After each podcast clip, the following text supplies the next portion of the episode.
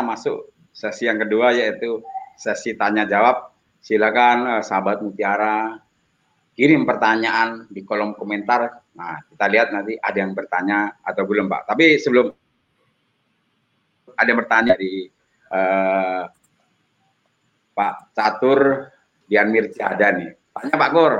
Ini bos saya nih Pak. Sudah habis berapa duit uh, membuat buat farm uh, hingga saat ini Pak? Apakah masih beruntung? Apakah budget rupiah per pohon berapa budget rupiah per pohon durian ini Pak? Hmm, berapa ya? Saya nggak notalin sih ngitung sih ngitung tapi nggak belum ditotal. tapi kalau tadi saya sampaikan bahwa kebun ini adalah dedikasi eh, apa, kepada istri saya ya, hadiah ulang tahun pernikahan sih. Ya saya pikir juga bisa hemat apa budget jalan-jalan jadi ke kebun terus gitu ya. Ternyata lebih mahal daripada cowoknya. Tapi kurang lebih sebulan 20 juta. Oh iya, tadi ya Ibu happy sekali di kebun durian tadi, Pak. Sampai menghitung durian sambil ketawa, Pak. Wah, ini berapa nih? Satu, dua, tiga, empat, lima. Dia kan lebih betah di kebun daripada di rumah nampaknya nih Pak Gorni ya. Iya. Ya itu tadi saya bilang kebalikan saya lebih di laut. Saya demen mancing, diving, renang saya lebih suka. Di kebun, aduh. Uh. Ya tapi ya mau ya akhirnya lama-lama enjoy juga, suka juga. Enak juga. Enjoy juga Pak ya? Enjoy, enjoy Pak. Banyak enjoy pada dalam soalnya segar Kalau nggak dia enjoy, enjoy gimana? Ya, tadi Mas Catur nanya budgetnya berapa tadi? Totalannya berapa? Banyak juga iya. ya. Oh, banyak. Iya. Tapi kan? setelah tanaman tumbuh udah hilang budgetnya udah lupa, Pak ya. Wah, enjoy-nya ya. ya ada, Pak ya. Aduh, itu itu itu apa namanya? Ya priceless. Gak bisa nilai punya buah hmm. sendiri sih. Waduh, senang. Oh, iya, iya. Ternyata kita bisa, Indonesia bisa. Apalagi di Sukabumi, daerah titik saya tuh nggak tahu ya. Curah hujannya termasuk tinggi ya jadi di tempat saya hujan di Parung Kuda belum tentu hujan. Nanti ketemunya lagi di Bogor hujan. Oh, dekat sama ya? Bogor kayaknya hujannya. hujan terus masih. belum total Pak Catur. Belum total. Mungkin ini Pak. Hmm. Oh, mungkin ini Pak, kalau Pak Catur nanya itu pengen juga bikin seperti itu Pak ya. Oh iya. Pak Catur itu saya loh sebenarnya loh Mbak.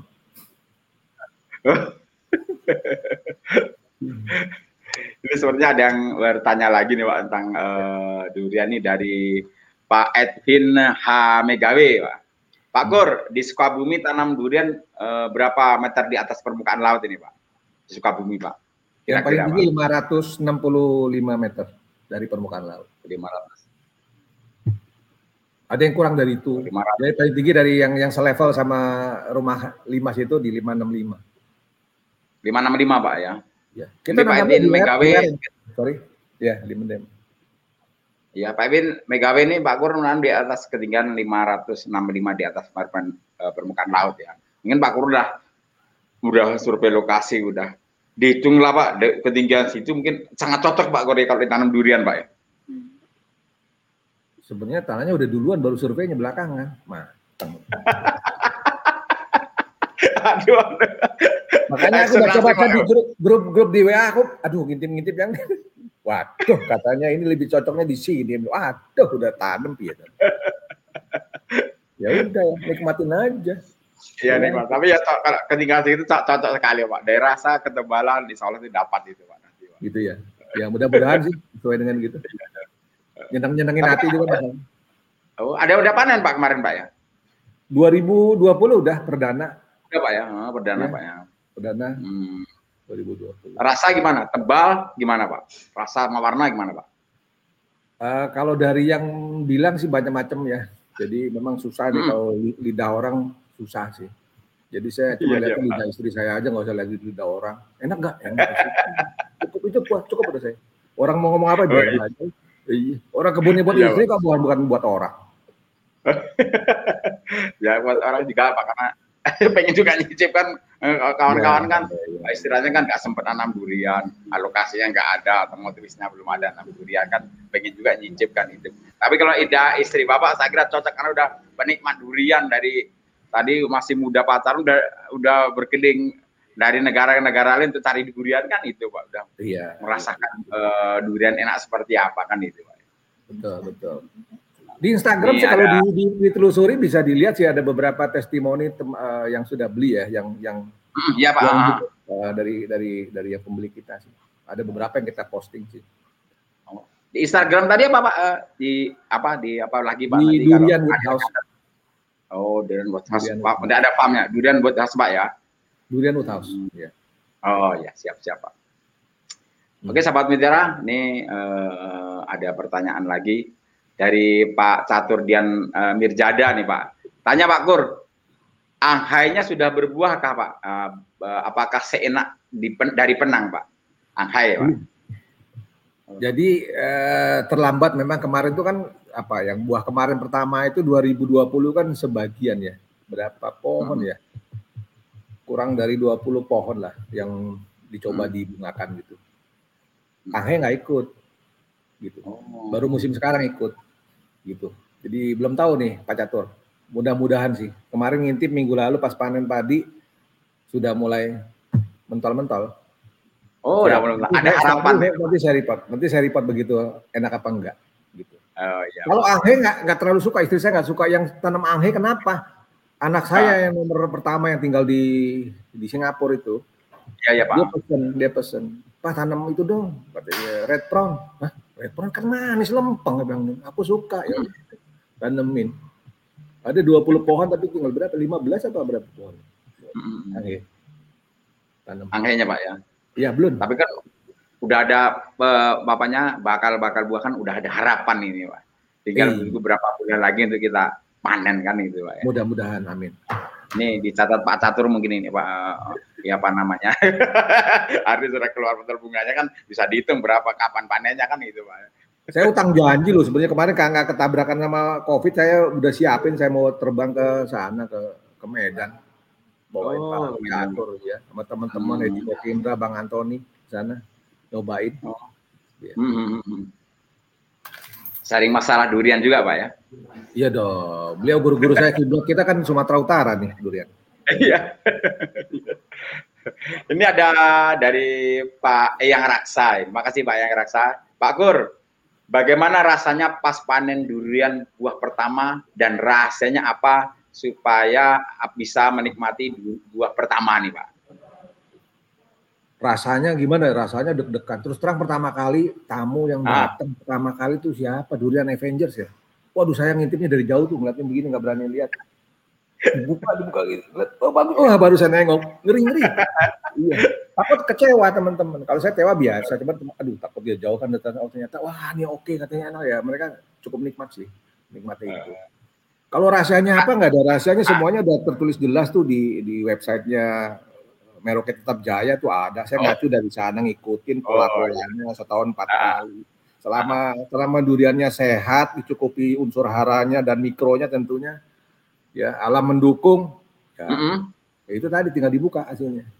Mm. Usaha sudah optimal, cuaca mendukung, ya tinggal rezekinya. gitu. rezekinya sama usahanya pak ya, sama maksimal iya. rezekinya pengadaan itu Betul. pak. Tapi saya selalu dengan Pak Korni. Uh, buah pertama udah mengundang beberapa durian uh, komunitas durian kau untuk membukanya pak ya. Jadi Kagak. Saya nggak ngundang mereka yang mereka yang maksa mau datang. Dimaksa juga supaya datang Pak Kur ya. Iya, ngomong pahit dulu lo kalau kalau kalau kalau jelek kasih tahu kasih tahu gue ya, kalau bagus kasih tahu orang. Jangan terbalik lo. Iya, kalau jelek ngomong ke orang. iya iya iya. Tapi lumayan bisa itu. Hmm. Gimana? Hasilnya pun uh, bagus juga Pak ya. Hmm. Oke Pak yang rasa tadi uh, ini dari Pak Mas Tadida nih Pak Antoni ini Mari nih Pak. Ini, ini ini guru besar saya nih. Mudah-mudahan bukan tanya, namanya. Tanya Bang Coy, waduh. Untuk uh, perawatan durian ini apakah semua jenis durian dari pemberian pupuk Pak? Ah, kemudian proteksi hama penyakitnya dan pruning. Mau lihat sebelum Bang Coy, waduh, panggilannya akrab juga ini Pak. Mas Alan, ini bukan nanya UAS ini, UAS ini. Oh. Ujian, ujian akhir. Tadi tetap, tetap dijawab ini Pak, tetap didiskusikan supaya sobat mutiara juga mengetahuinya kan itu Pak. Saya, saya sama apa enggak gimana ya? Jadi kalau masa vegetatif ya sama masih gitu kan. Detailnya kan ada di tabelnya, di katalognya mutiara ya kurang lebih gitu. Ada referensi-referensi dari lain literatur-literaturnya juga kita lihat sih. Hmm. Kalau ada beberapa fase ya. Jadi kalau apa namanya nggak nggak sama kan kan di kebun saya walaupun ya juga karena kebetulan nggak nggak nggak bersamaan ya tentunya masih sampai sekarang masih ada yang yang masih vegetatif gitu ya dan walaupun sudah dipersiapkan misalnya udah disiapkan pem, pem, apa, pemupukan untuk pembuahan ya udah diikutin sama semua hasilnya nggak sama tuh hmm. gitu kan jadi kayak kayak musim kemarin kan ya cuman dicoba, dicoba uh, dua puluhan ya jadi cuma berapa belas buah eh berapa belas hmm. pohon dan sekarang dicoba ada tiga puluhan pohon yang yang dari sekian puluh ya lebih dari tiga puluh yang yang udah keluar bunga duluan ya itu hmm.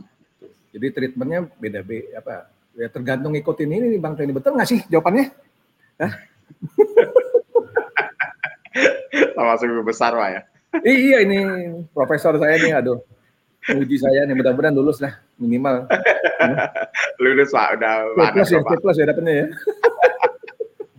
Kalau proteksi hama penyakit dan pruning apa tuh? Nah, nah pruningnya gimana pak? Pruning, pruningnya itu apa ya? Biasanya habis panen pruning. Terus sebelum sebelum sekarang nih yang yang, yang mau dibuat itu udah di pruning duluan, gitu kan? Hmm.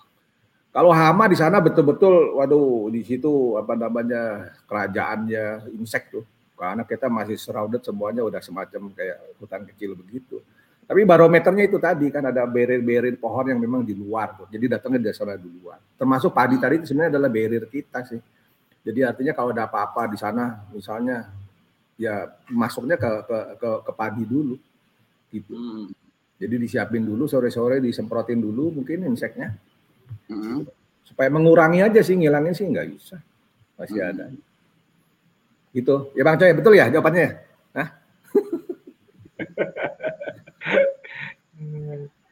Oke, Pak Kor itu pertanyaan Pak Anton Bali. Ada lagi Pak Tony Hendrawan ini, Pak. Bos Bali nih. Pak Kor, eh, dari sisi ekonomi lebih pilih mana nih, Pak? Durian MK atau Blackthorn, Pak? Mohon masukannya, Pak. Kalau harga sih Blackthorn. Uh, Big Brother saya jual katanya sekilo satu juta ya. Kemarin viral tuh. Blackstone hmm. luar biasa. Ya. Kalau kalau di kita ya masih uh, Blackstone lebih jual. Lebih lebih menurut saya karena karena apa? Uh, biaya operasionalnya sama. Nilai hmm. jualnya aja sih oh. Nilai jual. Jadi operasional sama perawatannya sama pak ya sama sama durian hmm. lokal, durian apa namanya interlokal. Tapi dia nilai, jual, hmm? uh, nilai jualnya yang beda. Ini yang penting Pak ya. Iya, nilai jualnya. Uh, Saya prefer jadi, situ. Jadi lebih mayoritas yang paling bahas, paling banyak itu adalah Blackton. Kita lagi siapin 100 lagi tanam Blackton di satu oh, tanam lagi 100 batang lagi Pak ya? Iya, 100. 100 lubang. Wah, 100 lubang ya. Iya, satu sudah. Mau coba tanam double planting, triple planting ya. Mudah-mudahan. Hmm, hmm, hmm. Iya, mudah-mudahan lancar ini. Ah, ini dari uh, Pak Topan Adrian Seba dari Sumatera Barat nih Pak. Durian Ranah Minang hadir Pak. Dia salah beli Pak Topan ini salah satu penggagas durian di Ranah Minang Pak dia. Betul, dia. betul. Pertanyaan Pak Pak Amer Kurniadi. Untuk lahan miring di lereng bukit ini Pak dengan kemiringan sekitar 45 hingga 60 derajat. Lebih optimal mana kita tanam, musangking atau duri hitam nih Pak? Saya itu ada di sektor 4 sama sektor 5 di tempat kita yang di lereng Gawir kalau orang lokal di Sukabumi bilang. Iya. Hmm, situ ada seratusan pohon lebih total di situ. Itu bareng ya? Sama. Sama aja tuh dua-duanya Ya jadi misalnya hampir sama persentasenya. Jadi kalau itu ada 10 ya 10 pohon juga sama-sama jadi 20 pohon totalan gitu. Jadi kalau kalau di, di tempat kita ya sama jadi kalau di, di lereng gitu ya musang ya oci ya sama aja sih. Tetap tetap itu. Tetap apa namanya? produktif. Tapi kalau genjas secara genetis memang diakuin duritam lebih genjas. Oh, secara genjahnya Pak ya? Ya lebih dulu, lebih dulu dia lebih dulu lebih apa? Dulu, ya. Lebih duluan cepet-cepetan di badan bongsor ya. Cuman itu tadi ya mungkin iya kena angin puyuh roboh. Jadi secara pertumbuhan ya MK sama duri hitam tadi kalau di tanah kemiringan itu sama ya pertumbuhannya Pak ya. Tapi kalau di tempat kami sama. Kalau di tempat kami nggak ada nggak nggak kelihatan bedanya. Oh, lagi bedanya nggak ada, Pak. Tapi lebih genjah duri hitam, Pak ya. Ya, di tempat kita duri hitam lebih genjah. Duri hitam lebih genjah, lebih uh, kinjah, Pak ya. Lebih cepat mau kawin dia, lebih cepat. Oh. Kita tunggu pertanyaan lagi nih dari Pak Yusron Towab nih Pak. Makasih Pak Yusron Towab. Eh, selamat sore. Uh, tanya Pak, untuk perlakuan penyimpanan buah durian jatuhan di wood house gimana Pak? Dan ber tahan berapa lama nih Pak? Saya simpannya di dalam rumah kayu itu aja di atas itu jadi memang ada nggak di box boxin nggak ditaruh tempat terbuka ya karena ya udara udara apa eh, suhu ruangan itu aja tapi karena sana memang ini sih uh, sejuk ya sejuk hmm. Jadi kita nggak pakai mesin pendingin taruh di situ. Yang pernah saya coba itu yang sampai lima hari belum pecah, belum letek. Nggak tahu musim oh, sekarang. Hari. Ini dari jatuh pak ya? Ya ya ya jatuh. Sampai belum pecah lima hari pak ya? Ya, oh. itu paling paling kuat. Lima hari. Oh, tahan tahan lama itu pak termasuknya pak lima hari ya. pecah itu pak. Nah, Jadi penyimpanannya memang dia letakkan di rumah kayu itu pak, terus tidak tanpa dikasih dalam dalam box-box pak ya, di enggak, enggak, enggak. serak seperti itu aja pak ya. Iya iya, biar biar taruh ada di ada ada kayak satu meja gitu kita taruh di situ kita mm. taruh di sana. Nanti kan berdasarkan tanggal ya, berdasarkan tanggal jatuh. Mm. Gitu kan. Mm. Jadi first in first out gitu. Datang ini yang kita kirim oh. duluan dan duluan. Yang jauh-jauh yang nomor buru-buru jadi besok-besok buru buru-buru dikirim ya. Hmm, iya, iya benar Pak. Jadi memang nggak sampai dua hari tiga hari di situ mungkin jatuh besoknya langsung kirim ya ya Pak. Ya langsung langsung sore sore itu langsung jamnya dijemput. Kadang-kadang kalau banyak bisa dijemput sama Tiki atau apa yang, yang memang forwarder yang udah kita kerjasama sih dijemput. Hmm, hmm. Karena tadi kan sudah ada waiting listnya juga pak ya. Iya. Jadi nggak sempat nginap lama pak ya. Tapi kita coba. Ini ada pertanyaan lagi dari Pak Catur Dian Mirjada nih Pak. Uh, Pak Gur, anghe bisa pahit uh, jika buahnya digebuk-gebuk. Jika tidak, manisnya lempeng saja. Gitu, Pak. Mana pendapat Pak uh, Pak Kur ini? Enggak ini ngasih tahu bukan nanya. Oh iya. Pak Catur ngasih tahu ya, bukan nanya kan? Iya kan pengalaman Bapak gimana digebuk-gebuk oh, jadinya gimana? Kan akhirnya saya belum berbuah. Oh belum buah Pak ya. Oh iya. Ya, tapi kalau blackton iya digebuk ya jadi pahitan ya, keluar pahitannya ya. Lebih lebih Oh, kalau blacktonnya itu Pak ya? Iya, iya. Orang banting-banting saya sayang saya pukulin pakai golok gede aja pok pok pok pok. Mm -hmm nggak dibanting. Pak bisa berubah warna apa itu gimana Pak? Secara logikanya itu Pak ya? Nggak ngerti saya juga. Mungkin fermentasi ya, mungkin keluar begitu di, apa jadi. Karena kan duriannya kan nggak jatuh ke tanah ya, tergantung ya. Oh iya tergantung Pak. Oh iya benar. Iya, jadi mesti dijatuhin dulu. Jatuhinnya itu tadi ya, mungkin cara dipukul-pukul ya. mungkin ya, mungkin ya. ya kan, saya katanya katanya orang loh itu, saya katanya.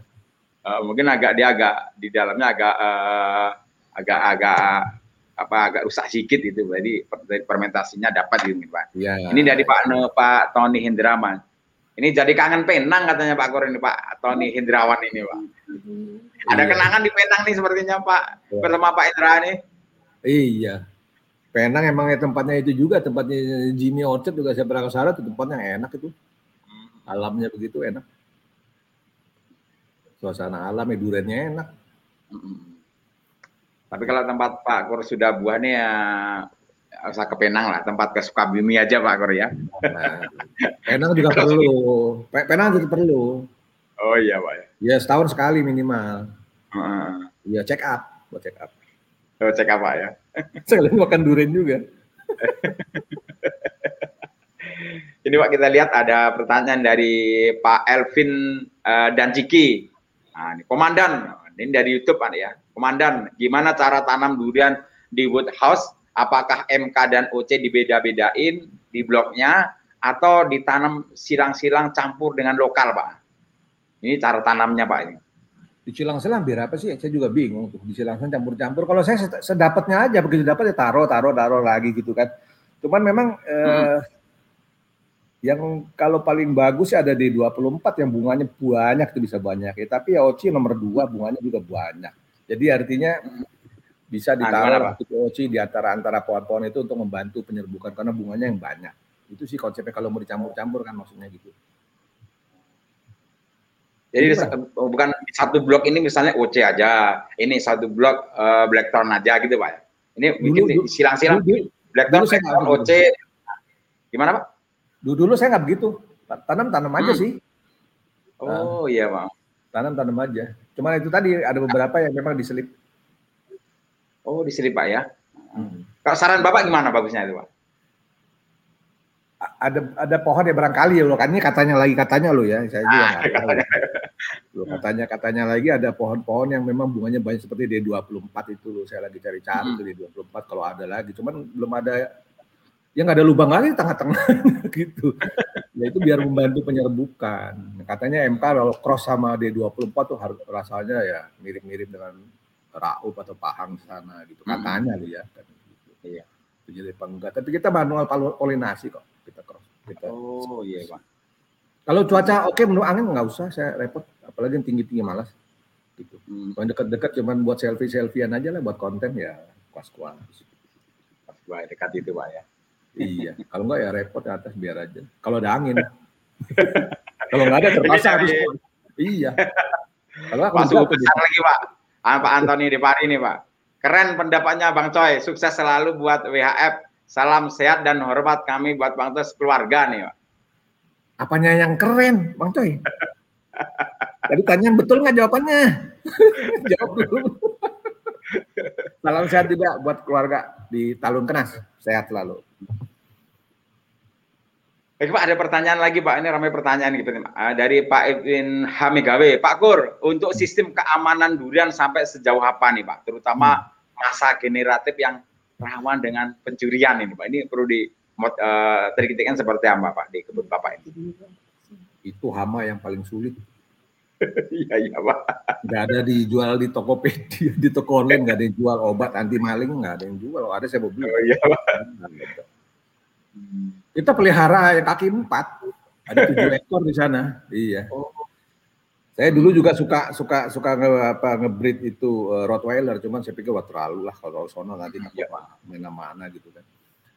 Uh, kebun kita nggak pakai slab beton, ukur kalau dihitung-hitung itu mungkin satu alpat habis kalau bisa nggak usah lah. Kita pakai ya, ya, pohon hanjuang, kita pakai bambu-bambu di keliling itu diselip di apa diikat di sana.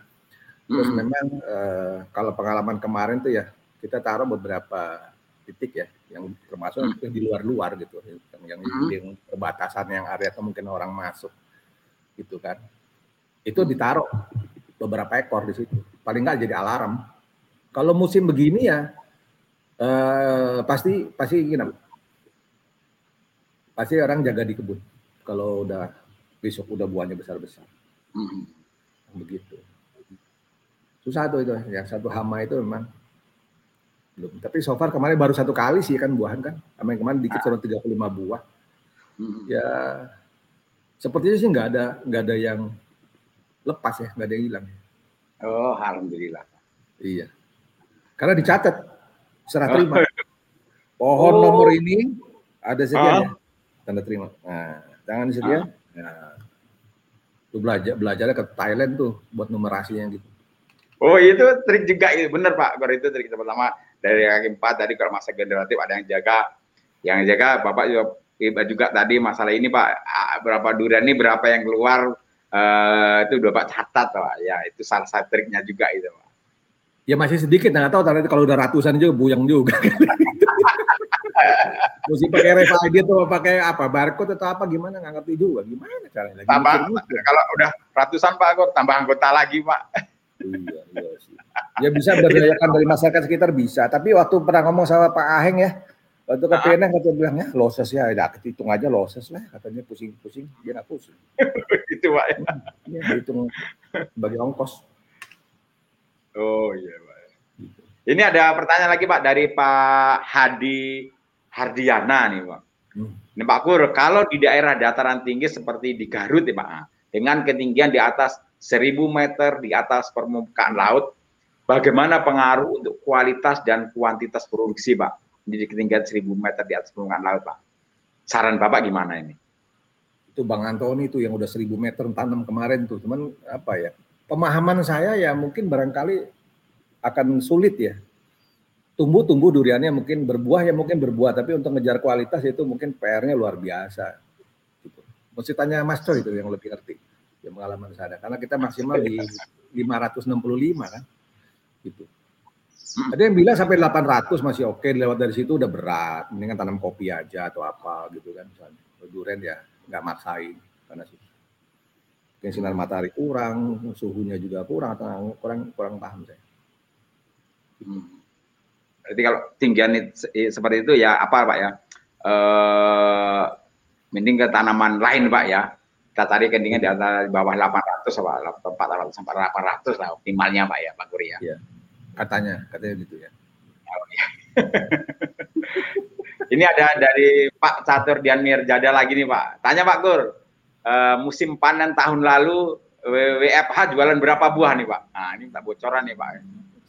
Tahun lalu tuh 2020 yang perdana ya? Ya perdana Pak, 2020 Pak. Hampir 200 butir, 100 enggak 140-an lebih lah. Yang di, yang dijual. Ya? Hmm. Yang dijual. Sisanya sedekah iya. Dekat istri, istri ke keluarga gitu loh maksudnya. Hmm. Iya, iya.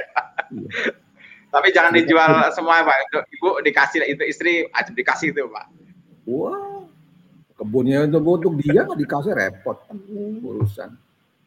Harus dikasih. Iya, harus. Milih kok dia milih dia tahu yang mana yang durian yang bagus dia milih. Waduh. Iya, di batang-batang di bawah yang dekat toko ya udah ditandain punya gue itu coba repot. Ya udah, wes itu oh, itu, ya. aja. Hmm, yang minggir-minggir sedikit atas sedikit boleh yang itu udah di tag. Iya. iya Karena uh, istri udah bilang ini hadiah da, hadiah dari suami untuk istri kan gitu, Pak ya. Iya. Jadi Pak uh, dari Pak Oh, Uh, Pak Gun ini ada Pak Yusron Towap ini Pak, sharing dong Pak sistem pengairan di Woodhouse Pak, sumber air dan lain-lain dan kebutuhan air per pohon saat fase bunga uh, dan pembesaran setara pengisian buahnya seperti apa nih Pak? Jadi kalau tanam durian itu sebelum tanam gali lubangnya air harus disiapin dulu. Kalau nggak punya air ya, kalau saya nggak berani, udah lah. Hmm nggak durian ya nggak tahu ya bukannya cocok cocok yang ada hujan harus disiapin infrastrukturnya itu. Ya term, ya nggak tahu saya dulu dari 2017 sudah udah udah bikin sih. Udah tanam semua ada ada semua. Jadi ada satu saya masih pakai micro ya pakai micro, micro spray, jet sprayer itu. Satu ini satu jam itu 115 liter. Satu satu sprinklernya itu. Jadi kalau saya mengejar satu tiga ratus saya tinggal hmm. saya tiga biji. Pompanya selama tekanan masih cukup go ahead jalan. Gitu. Kalau takaran apa tadi? Berapa berapa liter? Pertanyaannya. Ah ya, pada saat uh, fase pembungaan, pembesaran buah dan pengisian buah nih, Pak. Kalau yang mau dibuahin saya nggak siram-siram malah. Kecuali hujan sendiri udah berat dah. Gitu. Ah. Gak, gak disiram. Nanti Pak kalau udah udah keluar udah keluar buahnya ya bunga bunga ya bunganya udah itu baru saya itu siram. Siram kalau belum ya, ya, nggak disiram. Jadi intinya gini Pak ya, goreng. Sebelum menanam durian kita harus sumber airnya itu harus ada Pak ya. Yang ya. langsung nggak ada sumbernya ikut-ikut orang tanam tanam durian sebenarnya baru pikiran yang kedua Pak ya. Ya saya ada kita ada tiga titik itu sampai 100 hmm. meter satu lubang 100 meter. Di bawah ada kali juga, sungai juga. Lah. Saya lagi pikir-pikir nanti saya coba mungkin ada bikin. Tapi ya di bawah ya orang itu maksudnya di atas ya. Cuman sungainya di bawah hmm. gimana? Naikin ke atas, pompa lagi ke atas. Wah, duit lagi. Hmm. dulu deh. Ya. ya. Sedot dulu kita bikin gronteng. Gronteng kita nggak kelihatan. Namanya gronteng. Hmm. Oh, gronteng Pak ya. Ya. Atasnya bisa buat yang Tadi ada pertanyaan dari Pak Pak Kor, dari Pak Topan Ardiansah sepertinya ya. Oh. Okay. Uh, selamat sore Pak Topan ini. Mudah-mudahan Pak Topan sehat ini ya. Uh, Om Amir Kurniadi, Amir Kurniadi, pohon duri hitamku tinggi tinggi rata-rata uh, 2 meter di lereng bukit sering patah-patah dahan. Itu solusinya gimana Om? Ya, kalau di kebun kita ya emang duri hitam yang paling regas tuh. Kemarin kena angin ya, lubang tanamnya itu sampai kelilingnya tuh bulat tuh. Kayak kita hmm. goyangin nggak kuat. Orang dua hmm. dia sampai sampai kelilingnya kayak kita bolongin tuh. Anginnya kenceng. Udah berat. Hmm paling kita ngakalin adalah kita mempertahankan apa namanya windbreaker windbreaker itu. Makanya rajin ditanamin pisang cuman anginnya kadang-kadang bingung. Anginnya mesti datang dari sisi ya kiri atau dari utara ke selatan tapi nggak tahu tergantung dari hmm. musimnya. Tapi karena kita di arah bukit-bukit begitu ya mungkin anginnya lompat tuh langsung masuk ke sana. Karena di blok-blok itu terus yang yang yang kena. Itu udah di, dipelajari sih ya. Itu ya nanti kalau udah patah ya kita nggak nggak nggak nggak mau itu lagi. Dan pencegahannya gimana ya? Kita sudah pruning sebenarnya kita sekarang bantu ya. ikat juga. Potensial potensial. Jadi ya dulunya saya juga eh, nggak ngerti. Ya jadi ada ya cabang V lah ada yang beratnya hampir sama sama pokoknya batangnya itu kan udah nggak ideal. Jadi ya apa nggak imbang ya karena karena goyangan dikit ya bisa pecah bisa apa gitu. Yang kita alami itu. Ya itu di di, minimal, di minimalisir udah jadi yang kalau bisa memang yang yang single single core single uh, batang satu itu ya cabangannya bagus dan bisa apa ya ya kalau ada angin gitu lah ada angin lebih tahan dari itu. Nah kalau soal bagaimana supaya lebih makin apa kayunya itu bagus ya nanya sama Mas Alan tuh. Kasih pupuk apa tuh? Saya juga kurang tahu. Jadi Pak Teman ya penjelasan mengenai uh, durian ya dari ini dari Pak Handi Japar nih ya. Mas sore Pak Handi Japar. Uh, terima kasih atas pertanyaan Pak Handi Japar ya. Kalau untuk tenaga kerja yang optimal berapa orang per hektar nih Pak? Berapa orang ya? Kita di sana ada berapa orang? Saya orang yang yang tetap empat orang. Oh. Cuma empat orang karena nyiram kan nggak pakai nyiram. Sistem. Hmm. Iya, kalau saya mau ngecor ya saya tinggal ada ada ada uh, tandon yang memang buat saya bisa vertigasi. Hmm. Irigasi langsung gronteng. Kalau vertigasi saya taruh di itu di apa? Uh, uh, saya punya tandon ada ada ada empat ton empat ribu. Ya. Saya tinggal ngaduk situ dia tos dia kocor. Jadi mobilisasi orang kurang. Paling nyemprot tuh. Nah nyemprot nyemprot itu memang masih ada orang. Tapi jalan itu sekali jalan tiga orang empat so far untuk hampir 300 pohon ya sekarang ini ya masih tertangani sih masih bisa tinggal ngatur ngatur waktunya kapan aja hmm.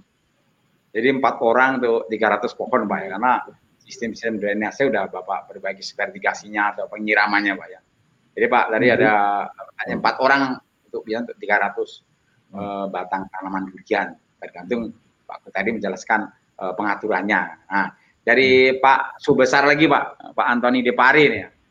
Uh, dari pengalaman uh, Pak Kur ini saat memakai perangsang buah nih, apakah ada perbedaan yang signifikan dengan saat tidak memakai perangsang buah atau bunga? Kemudian gimana dengan cita rasanya? Apakah perlu memakan perangsang bunga uh, atau buah secara rutin ini, Pak? Saya kalau dengar dengar perangsang buah saya jadi teringat lagi dulu tuh. Sedih saya itu sedih. Tiba-tiba pohon saya diperkosa gitu kan begini kan. Efeknya sampai sekarang masih ada tuh. Iya, begini lagi ma masih ada sampai sekarang istirahat itu. Istirahat. Istirahatin ya belum fit betul gitu. Saya saya istirahatin yang kayak gitu. Kalau buahnya kemarin sih nggak nggak nggak saya nggak nggak lihat ada perbedaannya bang Coy dari pelanggan juga nggak ada nggak ada nggak ada komplain nggak ada komplain yang wah ini kalau yang pakai itu karena saya tahu yang akhirnya kan yang memberikannya saya tanya yang mana aja dikasih? Ya ini ini ini. Saya ada telepon itu. Tapi itu berbuah memang lebih banyak sih dari dari wajarnya pada saat usia itu ya. Sampai 20 buah ya satu pohon. Itu. Sekarang istirahat. Masih masih istirahat. Udah udah udah bersih cuman saya masih istirahatin dulu. Biar dulu lah. Masih biar yang adik-adiknya aja duluan yang gantian. Giliran. Kalau rasa nggak nggak saya nggak ketemu bedanya Mas Coy. Benar nggak jawabannya? Angguk-angguk Pak di Bandung kena angguk-angguk atau gimana nih Pak? Bener-bener mungkin Pak. Ini saya lagi uas ini lagi mau uas ini semesteran nih. Semester tetap ya. ini dari pertanyaan dari Pak Naufal nih Pak Gur. Pak Gur, uh, di Woodhouse pembuahan uh, polinasi secara alami atau manual Pak? Disilang Pak. Manual itu disilang atau gimana polinasinya itu Pak? Uh, karena itu harus malam-malam. Jadi bukan mulai jam berapa? Jam tujuan ke atas ya, baru baru mekar full. Baru dilakukan itu kita kurang orang. Malam cuma jaga dua orang. Terus juga kebun segede gitu, segelap gitu, walaupun ada 32 PJU di kebun itu ya tetap aja nggak akan kekejar. Jadi kita ngandelin alam sih, ngandelin alam. Jadi kalau ada yang kita itu saya cuma buat selfie, ya buat konten, gaya-gayaan kita oleh polinasi kalau kalau saya lo ya kalau kita kita ya, ya, harusnya mungkin ada orang yang di cross pollination mungkin lebih bagus cuman kita nggak nggak cukup orang. Hmm. dan kadang-kadang apa yang kita mau cross ya soalnya ada kejauhan ngambilnya. Iya pak. Ya mungkin mungkin dikumpulin dulu ya mungkin sebut hari dikumpulin dulu yang ini yang dari mana Blackton nanti baru cross misalnya ke Musa. Misalnya begitu. Ada yang kemarin yang e, musangnya agak-agak orange ya warnanya. -hmm nggak tahu itu kebanyakan apa tuh masalah tuh kalau gitu. Mana pak? Ya warnanya agak-agak orange. Musangkingnya ada yang dagingnya kan mestinya kuning. Musangking ah, iya pak. Agak, agak orange loh. Saya pernah posting di Facebook itu orange warnanya real seperti itu. Nggak ngerti itu. Sebenarnya kalau uh, warna itu memang dipengaruhi kalium pak. Kalau biar kita mbah bapak udah paham lah kalium bebas klor gimana durian itu kan itu pak. Hmm.